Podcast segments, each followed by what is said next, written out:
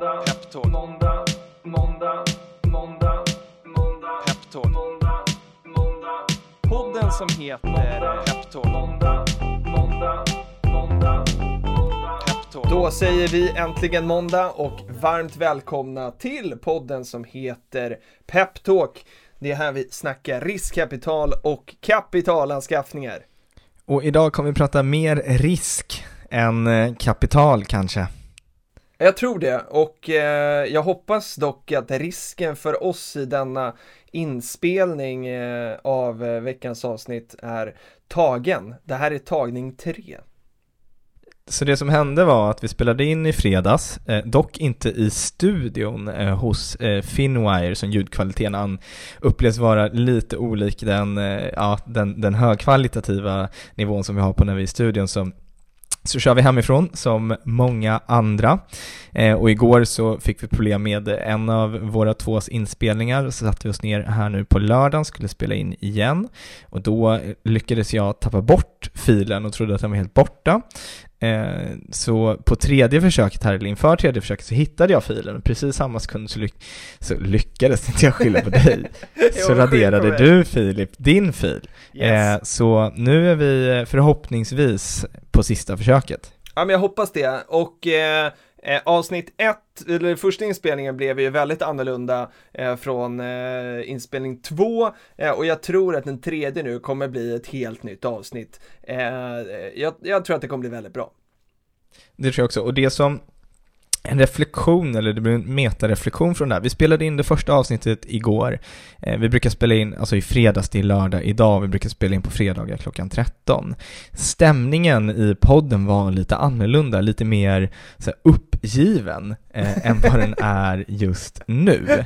Eh, vad fan hände eh, och eh, vad har hänt de sista veckorna? Vad, vad är känslan hos dig?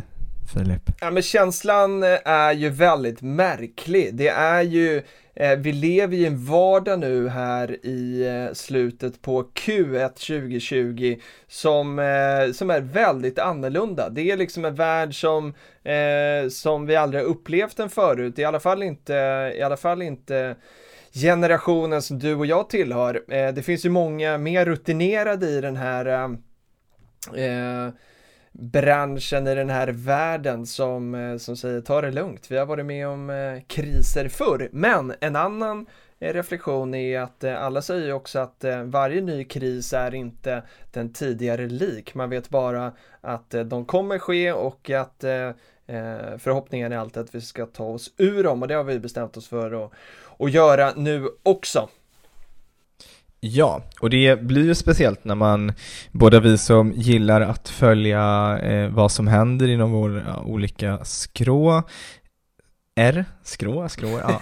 eh, Ja, men liksom, när, när rubrikerna eh, avlöser varandra. Eh, vi hade något exempel där Nordic Choice gick ut och varslade 7500 personer, varav 4500 i Sverige, eh, eller 44% av bolagets anställda. Eh, beläggningen som har gått från 60 till 70% på hotellen har stört dykt ner till 10 procent eh, som koncern har man lånat ut anställda, 500-600 anställda till Postnord som har många sjuka och hemma från jobbet. Eh, och, och, i ett sådant bolag, hotell, eh, så har man en fast kostnadsmassa då på personal 60% och hyra 40% och när du inte har några intäkter då är det mycket kostnader att bära och då kapar man där man kan kapa. Ja, och det är, eh, apropå Nordic Choice då, så, eh, så såg jag ett Facebook-inlägg från eh, Petter Stordalen eh, där han eh, eh, beskrev hur han såg på situationen och eh, var ju såklart väldigt eh, som uppgiven och tagen av det som vi befinner oss i nu och hur det påverkar hans eh, familjegrupp. Och jag säger familj för att han, han uttryckte det verkligen så att eh, han ser alla anställda och alla som är engagerade i, i bolagen som han har som, eh, som familj.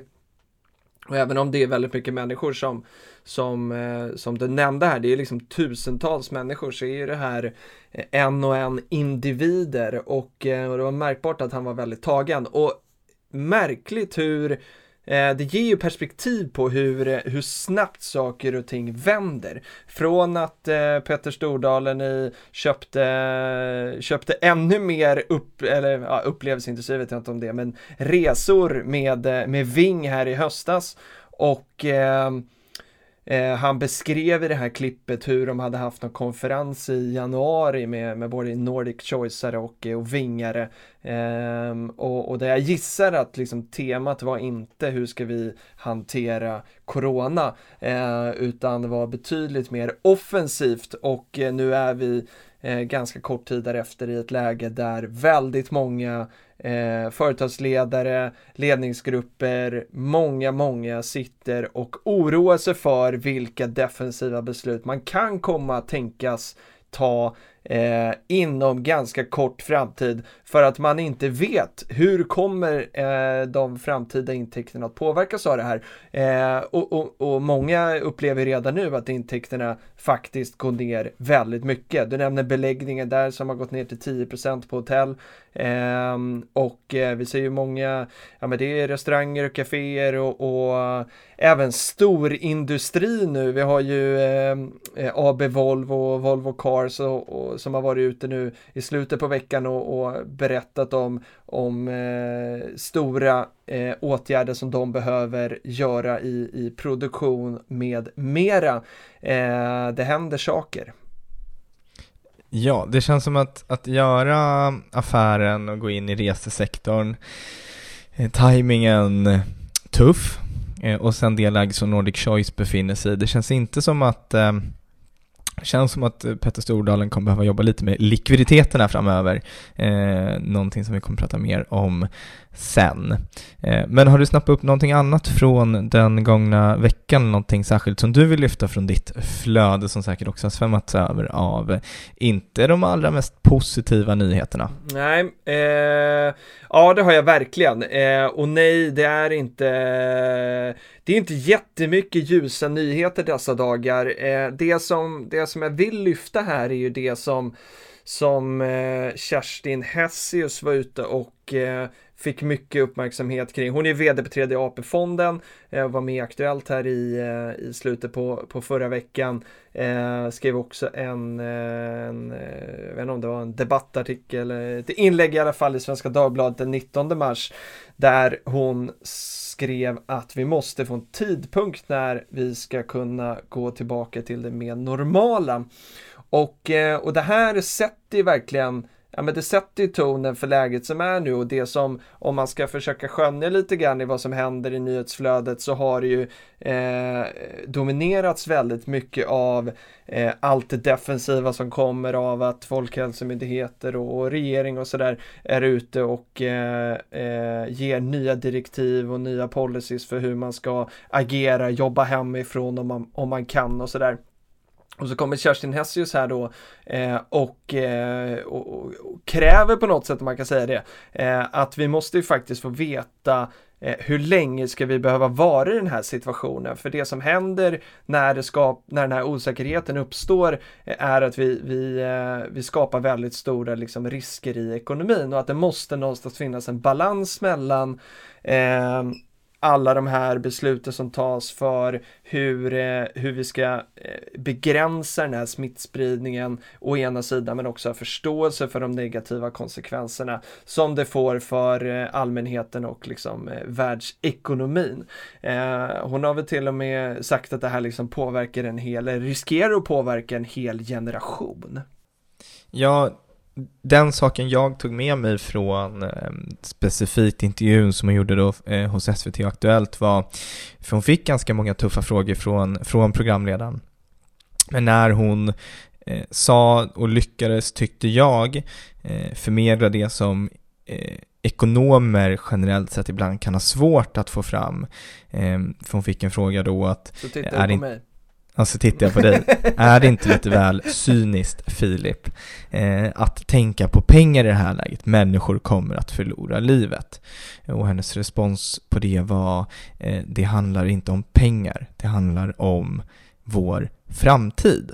Eh, och vilka, som konsek vilka konse som konsekvenser som kommer utifrån att stoppa ett, ett land på, på det här sättet. Eh, men också komplexiteten kring och, och, hur många dimensioner det finns av att hantera den här typen av situation och precis som alla investerare och alla företagsledare, alla bolagsägare också sitter i just nu. Det finns otroligt många olika dimensioner och, och många olika scenarier som man behöver förhålla oss till och ingen har ett facit. Och samtidigt finns det så otroligt många tyckare där ute som tycker sig veta hur man ska agera, oftast utifrån ett endimensionellt perspektiv. Mm. Absolut. Eh, och utan att spinna vidare på endimensionella perspektivet så, så kan vi också notera att eh, många av de gästerna vi har haft i podden har varit högfrekventa i, i nyhetsflödet eh, under den gångna veckan. Eh, vi har sett både Niklas Storåkers och Jane Valerud och Günther Mårder och Angrevelius, eh, säkert med flera som, eh, som är ute och, och, och eh, berättar hur, eh, ja, Günther Mårder och hur, hur eh, det påverkar liksom företagandet där ute i hans roll som vd för företagen och Angrevelius utifrån eh, eh, liksom investerarperspektivet då. Eh, och det är ju, eh, känns ju bra att vi har plockat gäster som är aktuella. Sen har jag respekt för att, att eh, näringslivet Sverige är eh, ganska, ganska litet så, men, men eh, det är kul att, att, känna igen sig och se människor som har varit aktuella i den här podden också eh, få mycket utrymme dagar som eh, dessa. Då har vi ju valt rätt i alla fall. Det, det har vi verkligen och vi får väl se om det blir lite som så att vi klär i oss rollerna som investeraren Filip och entreprenören Dan eh, under den här tiden som vi får låna era, era öron. För det känns som att det finns mycket att, att kommentera från båda sidorna. Det gör det och min första fråga till entreprenören Dan är eh, Vi pratar lite om liksom branscherna nu sådär och, och vi har ju följt i nyhetsflödet att att eh, ja, men det började med flygbolagen, det är en vecka sedan som, eh, som SAS vd var ute och berättade om eh, att, att liksom 90% av deras verksamhet går på paus. Eh, och, och sen har det kommit där med Nordic Choice och Scandic har vi ju sett också haft det eh, väldigt tufft i veckan. Eh, och, eh, men, men det jag vill lyfta är egentligen eh, den geografiska frågan, alltså hur, och, och, inte inom så stora geografier, utan du som rör dig mellan Stockholm och Eskilstuna. Vad är det för, vad märker du av för skillnad i eh, liksom vilken inställning man har till vilka åtgärder man behöver göra. För att om vi tittar på Stockholm nu så, jag kan bara kolla på Peppins då, vi, de flesta sitter faktiskt och jobbar hemifrån nu. Eh, och, eh, och jag upplever att det är väldigt många eh, bolag i Stockholm som har den möjligheten om man har ett kontorsjobb eller så där man, där man kan göra sitt jobb hemifrån så, så, så går man på den eh, riktlinjen. Hur är läget i Eskilstuna? Jag tror att mitt första intryck från, från skillnaden och läget i, i Eskilstuna kontra Stockholm var att eh, det inte kändes lika lika påtagligt att det var stopp på saker och ting, att folk hade börjat jobba hemifrån. Det kan också bero på att eh, jag är van vid att det är mer folk ute och rör sig på gatorna i Stockholm generellt sett än vad det är i Eskilstuna. Jag tänker mig också att Stockholm har en väldigt, väldigt hög grad av kunskapsarbetare så många har möjligheten att jobba hemifrån och eh, medan i Eskilstuna så har vi ja, men några som i många sådana här mellanstora svenska städer, ett par större arbetsgivare. Vi har också landstinget eller numera regionen, alltså sjukvård och liknande som är en stor arbetsgivare, om inte den största i Eskilstuna. Och sen också då offentlig sektor eller kommunen och deras verksamheter. Eh, landstinget har ju uppenbarligen mycket att, att göra i de här dagarna. Eh, men jag upplevde inte samma samma stressade situation i, i Eskilstuna, eller jag har inte gjort det hittills som, som, i, eh, som i Stockholm. Men jag, jag tror också att det, det, är någonting som kommer. Nu är det lördag eh, och eh, om det var idag så täcktes eh, eh, Dagens Industris eh, framsida och baksida av en bild på en fabrik från eh, AB Volvo som faktiskt ligger i Eskilstuna där de har valt att stänga igen fabrikerna tillfälligt.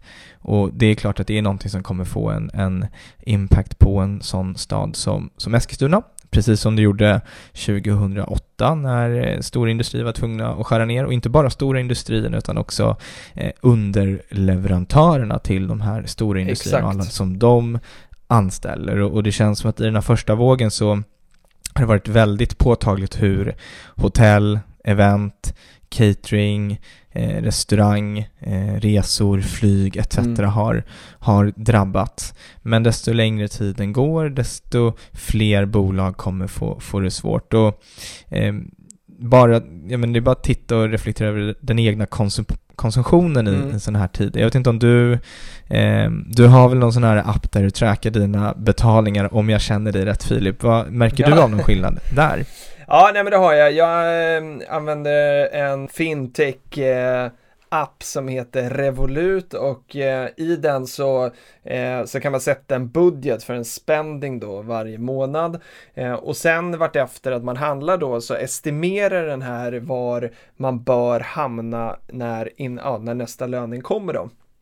Och eh, mitt estimat då för, för utgifter den här månaden ligger, ligger ganska långt under eh, den budget som jag har satt upp.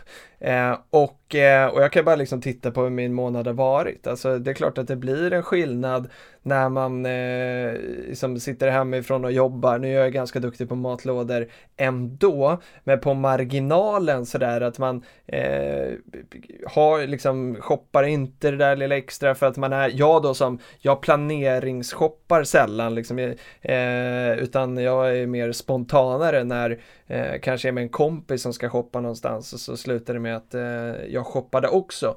Och nu när man inte träffar människor eh, på, på samma sätt som man brukar eh, så utsätts man ju inte för de situationerna där, där man faktiskt eh, kan konsumera eh, eller restaurang och eh, sådär.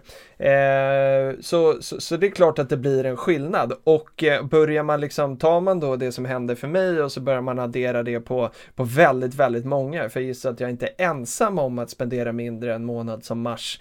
Ehm, så, så slår det ju väldigt snabbt. Och det är det vi märker nu och det är det som, som ehm, eh, de här eh, experterna då som Kerstin är ute och liksom berättar om att, att eh, och höjer varningens finger för att det går väldigt fort nu och nu måste vi faktiskt eh, få lite svar och få reda på vad kan vi göra och vad kan vi inte göra. För att den här osäkerheten skapar eh, en eh, osäkerheten skapar en verklighet som, som drabbar många väldigt fort och där det blir ringar på vattnet som du säger. Det är ju givet att att eh, om man inte får flyga inom Europa så är det såklart att flygbolagen eh, går dåligt. Men, men effekten i nästa fall är att ja, de som sitter på det här flygplanet och ska konsumera på den platsen de kommer till, ja, det försvinner också. Och då är det hotell och det är restauranger och kaféer och allt möjligt. Och sen har du industrin som du säger, men alltså det, det, det slår överallt väldigt, väldigt fort. Eh,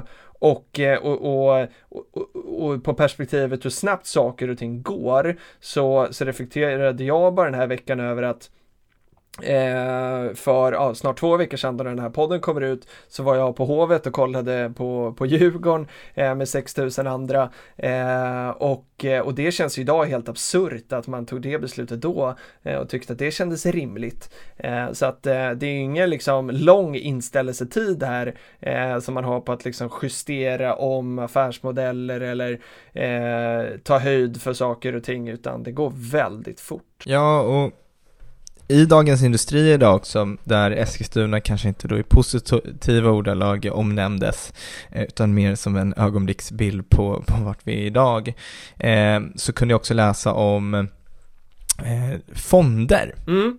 som är tvungna att låsa uttag. Mm, mm. Är det någonting som du har kikat ja, på? Ja, det där har ju varit en eh, jag, jag har ju varit väldigt liksom intresserad av aktiemarknad och så här privatekonomi, sparande väldigt, väldigt länge. Men den här svarta svanen eh, som, eh, som man kallar saker och ting som dyker upp ute oförutsett då på något sätt. Eh, den kunde jag inte se och då inser jag hur, hur lite jag kunde om eh, räntemarknaden och i det här fallet då företagsobligationer. Här, här var det ju torsdags tror jag som det var tre fondbolag i alla fall som var nämnda som Ehm, som eh, var hos Finansinspektionen för att och, och prata om den här risken då med att man skulle behöva stänga handel i de här fonderna. Ehm, eh, och, och vad jag förstod så byggde risken på att, att när, när vi har en marknad som den är nu, där många är oroliga, så säljer folk sparprodukter för att man vill eh, ha pengarna safe då, eh, känslan av att de är safe i alla fall. Och, eh, och, och, de här utflödena då som kommer de här fonderna eh, måste ju backas upp från fonderna genom att de säljer det som är underliggande och sen kan betala ut pengarna. Eh, och i det här fallet då så har man inte kunnat hantera de här utflödena eh, för att prissättningen på de här företagsobligationerna eh, har blivit eh, eh tokig när, när eh, efterfrågan försvinner. Och då har man inte kunnat exekvera de här och sen betala ut pengarna. Så det man har gjort är att man har stoppat handeln och eh, eh, det vi kunde läsa då var att det gällde Spiltan, fonder, det gällde Lannebo och SEB. Eh, det kanske gäller fler, men det var de jag, jag läste om i alla fall. Och, eh, och här tror jag att det är liksom många med mig som har sett den här typen av fonder som, eh, som ett alternativ till ett sparkonto där man kan liksom ha pengar ganska tryggt. Eh, och eh, i, i en tid där vi har en räntemiljö där vi inte, vi får ingen ränta som oftast i alla fall på våra sparkontor och då har man eh, och jag är en av dem, satt pengar i, i, i de här fonderna för att kunna få någonting. Eh, men, men jag har ju haft de där med tron om att jag kan sälja och på ett par tre dagar som det tar att handla fonder eh, kunna få ut de här pengarna. Och nu handelsstoppas de då Eh, och det är, råder en stor osäkerhet för när de här kan öppna igen. Eh, så det kan ju vara om en vecka eller om ett år. Jag har liksom ingen aning. Eh, det har inte kommunicerats vad jag har sett i alla fall någon tid för när de ska kunna öppnas och då gissar jag att det är för att de själva inte vet för att det råder så mycket osäkerhet. Eh, och det här är ju, är ju eh, en, en ganska märkbar skillnad på vår finansbransch också. Även om jag såg jag tror att det var i eh, Affärsvärlden som jag läste något citat från Warren Buffett att vi är ganska långt ifrån eh, den liksom finanskris som, som var 2008. Jag vet inte vad han syftade på exakt men, men, men det här är definitivt något som har påverkat även branschen finans då eh, och oss som eh, tycker det är kul med sparprodukter. Ja, det känns som att eh, begreppet eh, likvida tillgångar kommer behöva tajtas till ytterligare, ytterligare eh, om man inte får ur sina pengar. Ja men verkligen. Och, eh, och, och, och det känns också som att eh, eh, man lär sig så, så får man bara zooma ut perspektivet lite här och stanna upp i paniken eh, så inser man ju här att man, man Eh, Eh, anskaffar sig erfarenheter nu som, som kommer påverka en för väldigt lång tid framåt. Eh, och, och, i det här fallet då sådär, ja men jag har ju verkligen fått en helt annan uppfattning på risken på den här typen av produkter givet vad jag hade innan. Eh, eller i förhållande till vad jag hade innan och det kommer ju påverka mig även, eh, även den dag marknaden liksom vänder igen. Eh, så att, eh, nej, det, är, det är speciellt alltså. och, och jag tänker också sådär, eh, jag eh, är nyfiken på att höra eh, hur det liksom resoneras i, i, eh, i, eh, i ditt huvud och liksom i din community av liksom entreprenörer. För det som jag, det jag upplever den här veckan när jag har pratat eh, med, med, med både kunder och leverantörer till Peppins och liksom så, men allmänt människor som, som, eh, som, som fattar beslut i företag så, så är ju det, det här liksom corona och den situationen vi är i är ju på allas agenda. Eh, och det känns som att Eh, väldigt många nu sitter och räknar på vilka defensiva beslut skulle vi kunna ta? Tillbaka till det du var inne på med fasta kostnader. Okej, okay, ja men de, eh, de kan man ta reda på, de här är de och så tittar man på sådana här rörliga och rörliga kostnader är mycket lättare att hantera då. Eh, och så bygger man scenarion utifrån Ja, men vad händer om min, eh, eh, våra intäkter minskar så här mycket, vad skulle vi kunna hantera då inte? Eh, eh, så tycker jag att det pratas liksom på många håll och kanter. Eh, sen tittade jag på Avanzas stämma i, eh, i eh, förra veckan där, eh, där jag fick uppfattning från vd att, att där var det så här, nej men eh, de som sa vågar satsa i en kris, de kommer ut som, som liksom starka vinnare sen då. Eh, och där känslan var därifrån att eh, där skulle det liksom inte, inte bromsas. Och det är också ett signalvärde såklart såklart till, till anställda och sådär i, i, i bolag som eh, där en stor del av kostnadsmassan är också eh, personal. Hur, eh, hur går surret i dina kanaler? Oj, vart ska jag börja? ja, jag har ju ja, men förmånen på, på alla sätt och vis att känna många entreprenörer, många företagare och eh, är, är delaktig i en hel del olika forum med, med andra entreprenörer.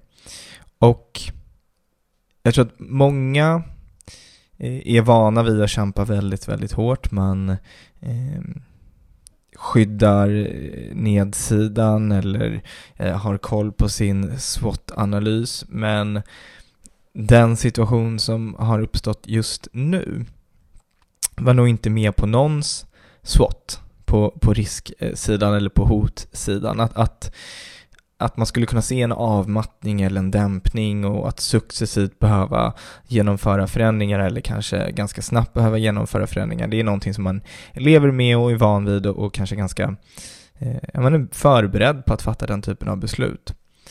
Nu har det på för många gått från att man har pratat om all time high eh, i orderböcker och, och för kommande, för 2020 till att nu ha en eh, orderbok som är nollad framöver. Eh, och det är klart, vi, om man tittar på branscherna så upplevelseindustri, vissa delar av transportindustrin, kanske inte då, eh, vad säger man, eh, transport eh, av gods och varor, utan transportindustri i form av, skulle kunna vara taxi, eller tåg, eller buss eller sådär. Eh, hotell, event, det har ju tagit tvärstopp så att en del har ju gått från att ha väldigt positiv, bra orderstock här för eh, andra halvan av mars och april och maj och sådär. Eh, man har också en sommarsäsong som kommer där man tänker sig att det ska vara hög säsong där allting har blivit avbokat från en dag till en annan. Och det är väldigt svårt att planera för. Och det som händer då, jag tror att Eh, Kerstin Hessius var inne på det också, att det är inte så att vi ser en avmattning på efterfrågan, utan vi ser att efterfrågan är slut. Det är tomt, det har tagit stopp. Och det enda du kan göra då, det är att fokusera på kostnadssidan. Kapa de kostnader som du kan kapa. Det blir, och där var Jan-Olof Jacke från Svenskt Näringsliv också med i samma intervju och han pratade kring tidsperspektiv på saker och ting. Och han beskrev det som, och det tror jag att många kan hålla med om, att medellång horisont på ditt beslutsfattande idag är ett par dagar. För du vet, du har, vi liksom många andra har ett scenario, en budget där du, du utgår från att maskinet börjar rulla igång igen och du behöver hantera att orderstocken kommer tillbaka till där den var eh, innan eh, i ett absolut best case och många som driver bolag är opportunistiska i, eller optimister i, i grunden, till att ha ett worst case som är att du kanske tappar 90% av din omsättning, eller till och med 100% av din omsättning under ett x antal månader. Och det gör att du har ett väldigt brett spann på de typer av beslut som du behöver fatta. Och det är ett väldigt stort osäkerhetsläge och där tror jag vi inne på det du tog upp igen då och som många pratar om just nu. Att vi behöver ha en prognos eller en horisont på under hur lång tid tror vi att det här totala undantagstillståndet kommer vara? För det blir en väldigt stor skillnad att fatta beslut på om, om vi ska stänga ner eller om människor behöver pausa sina verksamheter under tre månader eller två veckor eller tolv månader. Och det gör det ju så svårt, för det är ingen som riktigt vet, men någon form av besked tror jag att många skulle, skulle uppskatta skatta och utifrån det också våga fatta beslut som ska jag ta på mig en kredit för bolaget eller inte? Eh, vilket också gör det väldigt svårt i, i det här läget. Så att jag tror att väldigt många brottas med likviditet. Det blir väldigt eh, viktigt för många och varför just likviditeten då? Lönerna går ut här eh, på, ja men måndag blir det idag när ni lyssnar på det här kanske. Det är då avsnittet kommer ut. Eh, idag dras pengarna i så fall från många företagskonton. Eh, lönen kommer ut eh, på den 25, sen dras ett par dagar innan. Det är en stor likviditetsdipp för många bolag. Och sen så är det ofta sociala avgifter och moms som går ut i mitten på månaden, ungefär 11-12, beroende på också om du har eh, månadsmoms, kvartalsmoms eller årsmoms och sådär. Och det är nästa likviditetsutmaning. Eh, så att eh, jag tror att vi kommer få se eh, ännu tuffare tider här de kommande två veckorna för många bolag. Och där är vi, eh, verkar det som, eh, precis i början av den här, eh, vi släpar väl efter några veckor eller någon dag efter de länder som hårdast drabbats. Och eh, ja, vi har inte satt landet i, eller städer i karantänen. Så att eh, innan det blir bättre så blir det säkert värre och det är väl det som många är lite oroliga för. Ja, verkligen. Men, men vilka alternativ finns då? Du är inne på krediter och sådär, men, men vilka Eh, vad, vilka val har man närmast då? Eh, och du kommer säkert eh, eh komma in på emissioner och sådär också. Men om vi liksom, eh, för det är klart man kan liksom ta in nya pengar. Men, men diskuteras det någonting liksom bland, bland entreprenörer som du känner och sådär. Ehm, vilka, vilka åtgärder man tycker ligger närmast för att liksom säkra upp likviditeten? Ja, men jag Gräver tror att... man egen ficka eller går man till banken eller eh, hoppas man att staten ska skjuta till eller liksom, vad, vad, vad ligger närmast? Men jag tror att, att kapa kostnader är det som ligger absolut närmast. Eh, ovillkorade ägartillskott är också någonting som, som är ett verktyg eh, för, för många. Eh, långt ifrån alla har möjligheten att, att, eh, att skjuta till ägarkapital mm. till, till bolagen.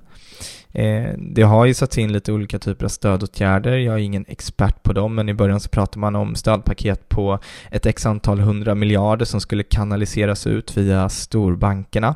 Eh, redan idag så är det svårt för väldigt många bolag att få lån från storbankerna. De är tränade på att värdera risk och sätta ett pris på risk och kommer in med en likviditetsprognos som säger noll kronor in på kontot och kostnader ut så, så är inte det en så fruktansvärt bra grund för, för en kreditprövning.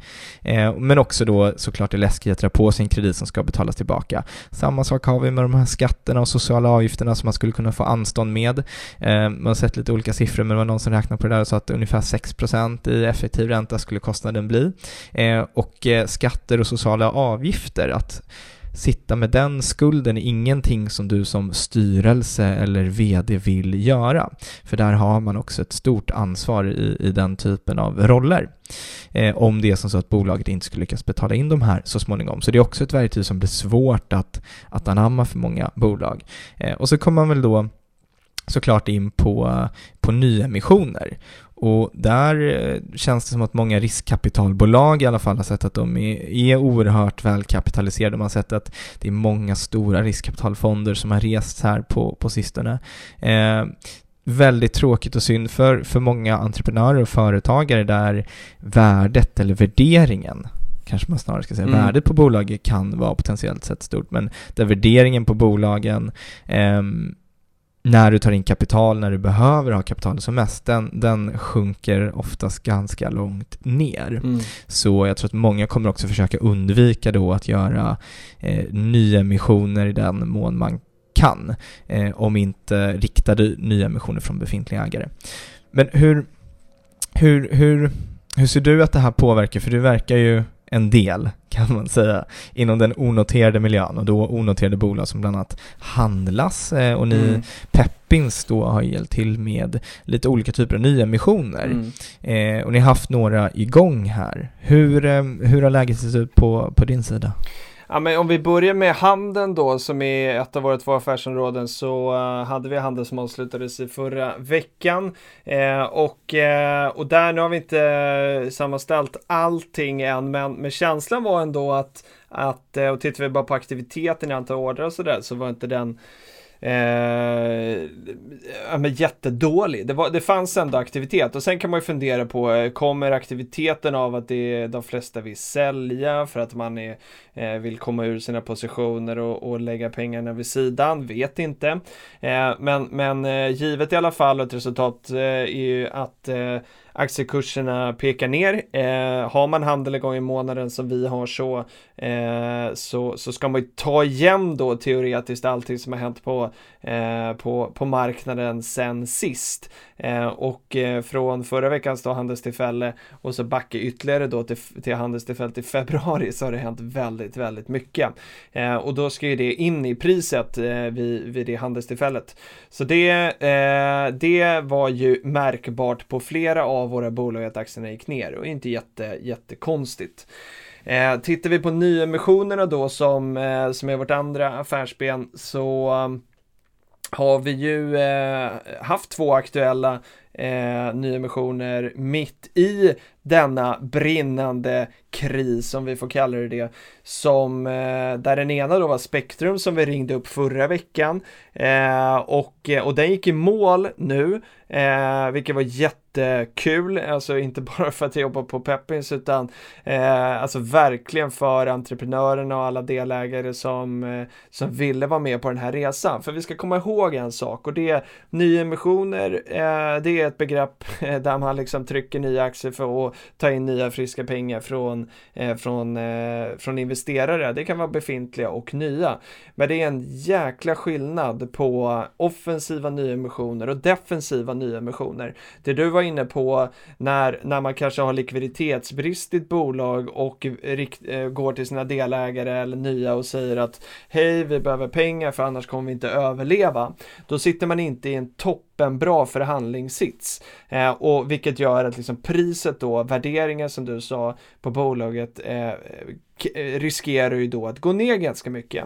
Eh, och, och det påverkar ju eh, Eh, befintliga delägare för att kommer in en massa eh, nya aktier till en värdering som, som är lägre än det man själv gick in på eh, så, så blir man ju utspädd en del som det så vackert heter om man inte liksom tar sin andel och sådär och har man inga pengar själv då som befintliga aktieägare eller som entreprenör och inte kan vara med i den här nya rundan så kommer man ju efter den emissionen att äga en mindre andel av bolaget. Det som vi jobbar med är ju liksom offensiva nyemissioner. Tittar man på Dynamic Code och Spectrum i det här fallet så kommer ju de till oss för att, att de vill satsa. De tar in pengar för att de vill göra någonting mer än det de har gjort hittills eh, och använda kapitalet för att växa. Vi kan kalla det tillväxtkapital då. Och det är därför jag är liksom extra glad för att, att eh, båda de här gick i mål. Eh, för det gjorde även Dynamic Code som har gjort en ganska stor emission på 60 miljoner där, där eh, knappt 10 eh, var tilldelade till till den teckningen som var genom Peppins. Eh, och den fylldes och nu är vi inne på en sån här övertilldelningsoption som det kallas då, eh, där det fanns då möjlighet att ta lite till om, om, eh, om det fanns pengar som rullade in. Eh, så där förlängde vi faktiskt också och eh, så att den stänger eh, timmarna före den här podden kommer ut eh, söndag den 22 då. Eh, och, och, och, det som är positivt med det här också är att eh, det har ju alltså under veckan rullat in pengar då helt enkelt som är nya friska kulor, riskvilligt kapital. Eh, så att liksom helt dött är det inte än. Eh, så får vi se om vi kommer dit, men jag hoppas verkligen inte det, för någonstans är liksom, man behöver ju också ta sig ur en kris. Man behöver liksom gå in i den, man behöver ta sig igenom den, man måste komma ur den. Och det är klart att allting vi kan göra för att se till att liksom hålla upp vårt näringsliv eh, kommer ju liksom hjälpa oss att ta oss igenom det här. Eh, och där pratade vi om, eh, om de stora riskkapitalfonden också, som du var inne på. Creandum såg jag en intervju med, med Johan Bränner där som, eh, som nämnde i veckan, i, jag tror det var till Breakit som jag såg, eh, att liksom de fortsätter investera. Eh, och, eh, och, och sen får man ju se, det är samma där, det kanske blir ett helt annat läge nästa vecka, men för det, det händer så mycket på så kort tid nu. Eh, men, men osäkerheten är ju väldigt, väldigt stor och, och eh, man kan ju läsa eh, eh både en och två nyheter om eh, vad som borde hända på noteringsmarknaden nu också där Eh, hur många bolag tror vi kommer komma till, till börsen när, när det är osäkrare tider. Eh, det, är inte, det behöver inte vara så att, liksom att bolagen är sämre eller att liksom, eh, marknaden i sig är sämre. Det är bara att osäkerheten är så stor så att det skapar en marknad eh, ja, som blir sämre då i, i, i det korta. Eh, men det blir så jäkla slagigt och det eh, ja, är väldigt, väldigt svårt igen. Det, det fattas och förbereds nog för väldigt mycket eh, defensiva beslut och sen får vi hoppas att det finns eh, många som vågar vara offensiva i det här för det, det tror jag är helt nödvändigt för att eh, vi också ska ta oss igenom det. En, en hypotetisk fråga då. Om ett, eh, ett bolag som tidigare tagit in en emission eller som har handlats på, på, på Peppins eh, hamnar i ett läge där man faktiskt behöver göra en, en, ja, men en, en defensiv nyemission. Ja. Eh, för jag tänker att många bolag sitter med, eh, du gör prognoser eh, och, och budgetar och budgetar är ju en i ett bra läge en väldigt kvalificerad gissning över framtiden. Ja. Eh, Men när man kommer till ett sånt läge där man har satt en budget som är realistiskt tilltagen och du kanske till och med jobbat med olika scenarios. Du har Mm. best case, eh, du har eh, worst case och Mm. sen så har du någon form av eh, mid case i det. Och så kommer det ett läge där du har ett worst case som är mycket, mycket värre eller ett Mm. utfall där intäkterna har försvunnit. Hur liksom, vänder sig bolagen till Peppins igen då för att göra Mm. den här nya emissionen? För du säger att ni inte tar, tar eller att ni normalt sett Mm. vid nya bolag i alla fall tar offensiva Mm. nya emissioner. Nej men eh, så här är det ju att eh, eh, vi tittar ju liksom på varje case eh, särskilt och Eh, liksom unikt. Eh, vi får jättemycket frågor liksom i, i både sådana här tider men liksom också i, i historiskt. Så länge jag varit på Peppis så kommer det in jättemycket förfrågningar eh, som varje vecka från bolag som vill ta in pengar av massa olika anledningar. Eh, men våran inriktning är ju att liksom bidra med tillväxtkapital eh, och, eh, och, och det, det är det vi i huvudsak gör. Sen är det ju så att liksom är det Eh, är det bolag som har tagit in pengar eh, via oss en gång så har ju vi en väldigt nära relation med de här. De är ju kunder till Peppins för att vi, vi handlar dem och sådär så att vi har ju en, en nära dialog med de bolagen som vi har hjälpt. Eh, och, Eh, och, och det är klart att det skulle kunna uppstå en situation där, där, där någonting skulle eh, kunna vara liksom defensivt då och att det skulle behövas av någon likviditetsproblem eller någonting sånt där. Eh, men, men jag är ju tråkigt politisk och säger att det inte finns något svar för att jag, vi tittar verkligen på, på varje unikt fall eh, och där eh, det viktiga tror jag är att det måste finnas, för Peppin så är det liksom två kunder. Vi har ju bolagen och sen är det liksom investerarna. Och det är så jäkla viktigt att, att eh, de eh, liksom möjligheterna som skapas då eh, ska vara bra och goda för, för båda parter. Eh, vilket gör att skulle det, jag, jag, jag kan tänka mig, eller jag, jag, så här, skulle det vara någonting som är defensivt och befintliga ägare tycker att jo men det är klart vi ska ställa upp på det här, eh, så, så är det mycket lättare. Eh, och, och när, när befintliga ägare liksom kanske grundar och sådär också visar att liksom man är med på det här. Eh, så att, ja, Nå någonstans där, men det är verkligen inte inriktningen. Men vi får ju se nu. Det kan, du får fråga mig om ett halvår så kanske, kanske det har kommit fler sådana case. Det, det, det, har inte, det har inte varit det vi har liksom eh, jobbat med eh, så här långt. Jag förstår. Eh, Och det är ju som sagt i ett väldigt speciellt läge. Mm. Vad generellt sett då, om man tittar utifrån investerarsidan, vad, hur, har hur resonerar du i det här läget? Mm. Eh, Har du varit stenhård på, på din strategi? Vad har du haft för strategi sedan tidigare? Eller vad, vad tycker du att man bör tänka på som investerare just nu? Eh, jag tycker att eh, man ska se till att man eh, har en strategi. Det blir så uppenbart i såna här tider att eh, aktiemarknaden är och, och nu om vi då pratar liksom, ja men vi kan, det spelar ingen roll onoterat eller noterat egentligen, men det är kanske lättare att prata eh, det som har någon form av liksom handel där man kan investera i någonting som, som prissätts regelbundet. Eh, och det gäller ju både för Peppin som för börsen i, i, i den meningen då. Men, men då är det ju så att, att eh, eh, när marknaden går upp, vilket den har gjort under en väldigt lång period, så är det faktiskt ganska enkelt att vara en duktig investerare eller en duktig aktiesparare. Eh, för att Eh, det mesta går upp när det går bra. Eh, har man liksom riktigt otur då och prickar allting som går tvärt emot marknaden, eh, ja då, då, då, då har man ju utmaning då, men, men de allra flesta får nog mycket självförtroende av att investera på marknader som går upp och man tjänar mycket pengar. Eh, och sen då när det väl, när det väl viker så tror jag, och så här vi, du och jag som är engagerade i Unga Aktiesparare också, eh, tror att det är väldigt många av våra medlemmar där som, som bara har varit med om uppgång. Och då, då hamnar man i ett läge nu där man kanske inser att en strategi inte håller. Eller så inser man att eh, jag har ingen strategi och då börjar man att skaffa en. För att det, det, det, det värsta som, och jag, då kan jag bara gå till mig själv och tala egna erfarenheter. Det är när man liksom dag för dag nu börjar fundera på vad ska jag göra? Om inte det är strategin, det finns ju daytraders som sitter och funderar varje dag på vad de ska göra. Eh, men, men, men för mig som inte håller på med det utan är långsiktig, köper och behåller, så, så blir man verkligen stresstestad nu och jag kan bara så här, eh, efter förra löningen i februari så köpte, jag, så köpte jag aktier som jag alltid gör när jag får lön och sen fortsatte och då gick ju marknaden ner lite grann tänkte jag det här blev en extra, extra bra köp den här gången.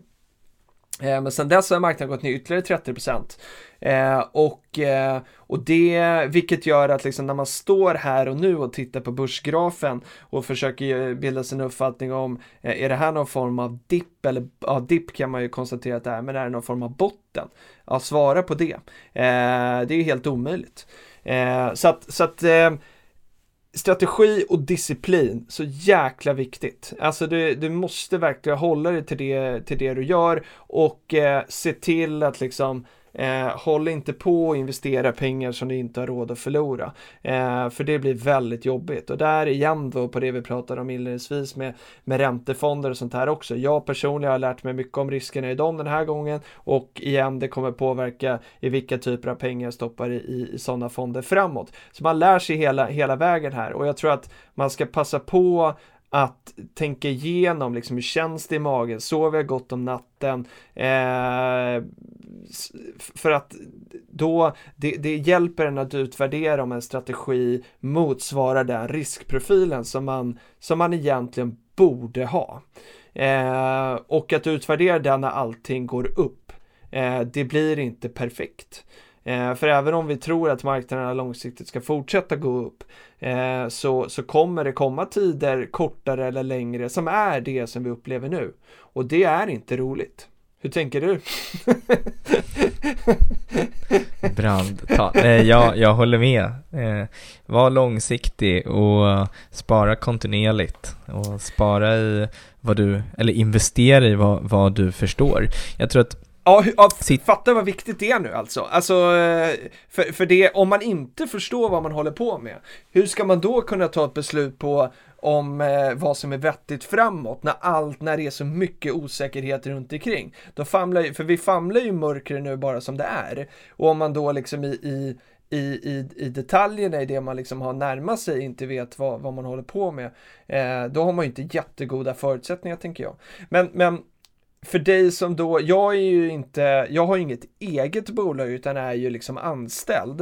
Eh, Sen är ju, handlas ju Peppins så att, eh, så att det är klart att det finns ett delägande på det sättet men det är ju långt ifrån, eh, väldigt, väldigt långt ifrån ska jag säga, eh, från att det är ett bolag som man liksom har ansvar för som ägare.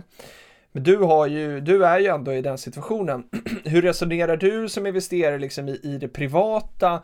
Eh, alltså tenderar du till att ta Eh, om du i ditt val, om, om vi säger att din strategi är att eh, eh, jag ska spara lite i, i, på börsen varje månad eh, i det privata och sen eh, kommer i en sån här situation där, eh, där det skulle kunna vara så att, att man känner att ja, men jag vill ändå kunna ha likviditet för att hjälpa något bolag som jag äger. Skulle det kunna få dig att liksom ändra din strategi då? För där är det ju en skillnad tycker jag. Alltså jag eller jag har respekt för att det är en skillnad när man är entreprenör kontra eh, löntagare i sin strategi för privatekonomin. Upplever du en sån? Ja, definitivt. Jag tror att väldigt många företagare sitter just nu med den frågan. Eh, den privatekonomiska frågan, eh, ägaransvaret gentemot de bolag som du kanske är delägare i eller som du äger eh, och hur du ska hantera den här situationen. Många är du företagsledare eh, i ett bolag så tar vi till exempel de här korttidspermitterings mm. eh, och permittering ett uttryck som vi, ingen av oss hade hört innan Eller ja, hur? förrän för två veckor sedan.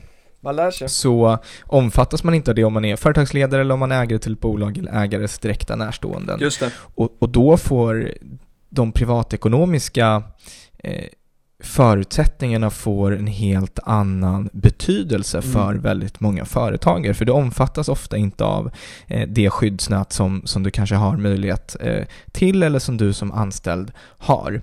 Du har också en mycket högre möjlig ekonomisk uppsida eh, om det går bra och du kanske också har en högre uppsida i form av att kunna välja livsstil. Eh, jobba så mycket, så lite som du vill från olika ställen etc. beroende på hur du vill bygga upp ditt bolag. Eh, men då är det ju eh, högre risk men också högre utdelning, avkastning på, på olika saker i livet. Och jag tror att väldigt många just nu sitter med just den frågan. Eh, ägartillskott och de privatekonomiska bitarna och jag jag tänker mig att det är för många väldigt svårt just nu att hålla sig till en, till en strategi. Eh, och som man ser, liksom, vi får se hur länge saker och ting pågår, men eh, likviditetsdipp på löner nu och sen så får man se hur länge intäkterna bromsas in, så kommer många bolag få, få stora utmaningar. Eh, även bra bolag, det brukar ju vara så när det sker sättningar eller som i det här läget totalstopp så, så saneras eh, icke så välmående mm. bolag ut ganska snabbt. Eh, och så brukar man ha en syn att bra bolag överlever oavsett. Och i det här läget så kanske det är som så att inte ens bra bolag överlever.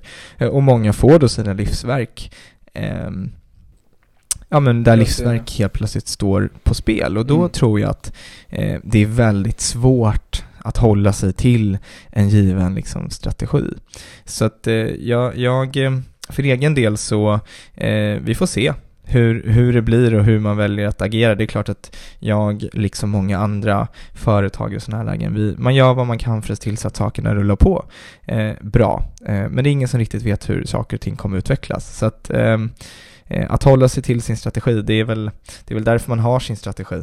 Men jag tror också att det är viktigt att när det kommer sådana svarta svanar eh, och du hamnar i lägen som du eh, inte kunde förutspå så tror jag också att det är bra att kunna våga ifrågasätta den strategi som man, som man har satt, även om man ska fatta beslut i ett nyktert läge oavsett. Ja men verkligen. Och det blir ju eh Eh, jag tänker att det kanske är revideringen av en strategi, alltså om man inser att en strategi inte håller i en sån här period eh, för att eh, man helt enkelt upplever att man har tagit för mycket risk kanske. Eh, då, då, då kanske man ska ta det här slitna uttrycket av att eh, plan for the worst och hope for the best eh, och, och, och, och, kanske jobba med det även i goda tider för att eh, det är eh, ja, jag, jag, jag, jag tänker mig ändå det. Sen är det så här, fan, livet är som det är. Det, det förutsättningar förändras och eh, man, man behöver i, som företagare eller sparare eller investerare eller vad du vill, anställd eh, så, eh, fatta nya beslut för att förutsättningar till saker och ting förändras. Eh, jag tror bara man ska vara eh, medveten om är att, att liksom jag tror att det är få beslut som fattas liksom goda i panik eh, och i osäkerhet. Man vill ju ha så mycket information som möjligt när man ska fatta ett beslut för att känna att det är välgrundat. Eh, och, eh, och just nu känns det som att det är lite för mycket osäkerhet för det helt enkelt. Så, men ja, ingen aning. Jag undrar Dan, vi ska avsluta, men jag tänker så här att eh, vi vet ju att vi eh, i alla fall tidigare har haft eh, eh, lyssnare till den här podden som, eh, som eh, nu har mycket att göra i form av eh, statsrådsuppdrag, alltså sitter i, i regering. Eh, om du skulle få eh, liksom bara uttrycka så här, vad är det du som företagare känner att så här, det här den här hjälpen skulle du vilja ha från regering eh, eller i alla fall liksom ge någon input till någon insikt för hur det är i verkligheten eh, utan att lägga någon värdering i att, eh, att de inte har koll på det. Men jag kan ju tänka mig att liksom sitter man som politiker i regering så kanske man inte varje dag är ute och ser hur det är eh, som företagare. Vilka medskick vill du göra? Ja, men det finns så många experter där ute som, som tycker att man ska göra si eller så. Det är ju ett totalt omöjligt läge för, för alla att fatta rätt beslut på. Det är ingen som vet eh, hur länge saker och ting kommer pågå, hur länge de bör pågå. Olika länder, till och med vi och våra grannländer, Sverige, Norge, Sverige, Finland agerar på olika sätt här.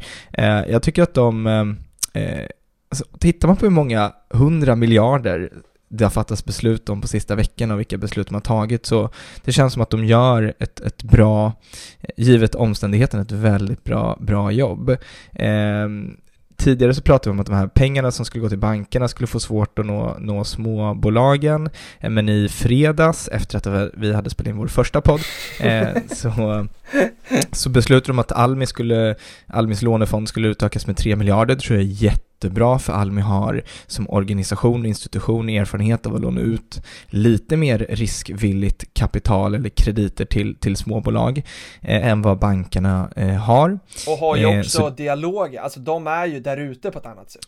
De är där ute, de har regionala, det tror jag i och för sig, alltså bankerna är väldigt duktiga på att känna till och ha koll på det lokala näringslivet, bättre ja. än vad många tror med sina lokalkontor, Intressant. så länge de finns kvar. Mm. Eh, och bankerna krokar arm, arm med Almi väldigt, väldigt ofta och har jättebra dialog där. Men mm. det tror jag är jättebra att Almi får utökade, eh, en utökad lånefond. Mm. Att sänka arbetsgivaravgifterna är ett förslag som jag sett på många håll och kanter just nu, eh, eller ta bort arbetsgivaravgifterna tillfälligt under några månader. Mm. Eh, för det är någonting som skulle gynna i stort sett alla bolag med anställda och potentiellt sett kunna behålla en del jobb. Och arbetsgivaravgiften, det är, det är en stor kostnad. Mm. Tänk av alla de löner som betalas ut så ska, ska du addera ytterligare 31,32 procent eller vad det nu är, mm. 31,26 ja. kanske eh, procent. Så sänk den tillfälligt skulle också kunna vara någonting.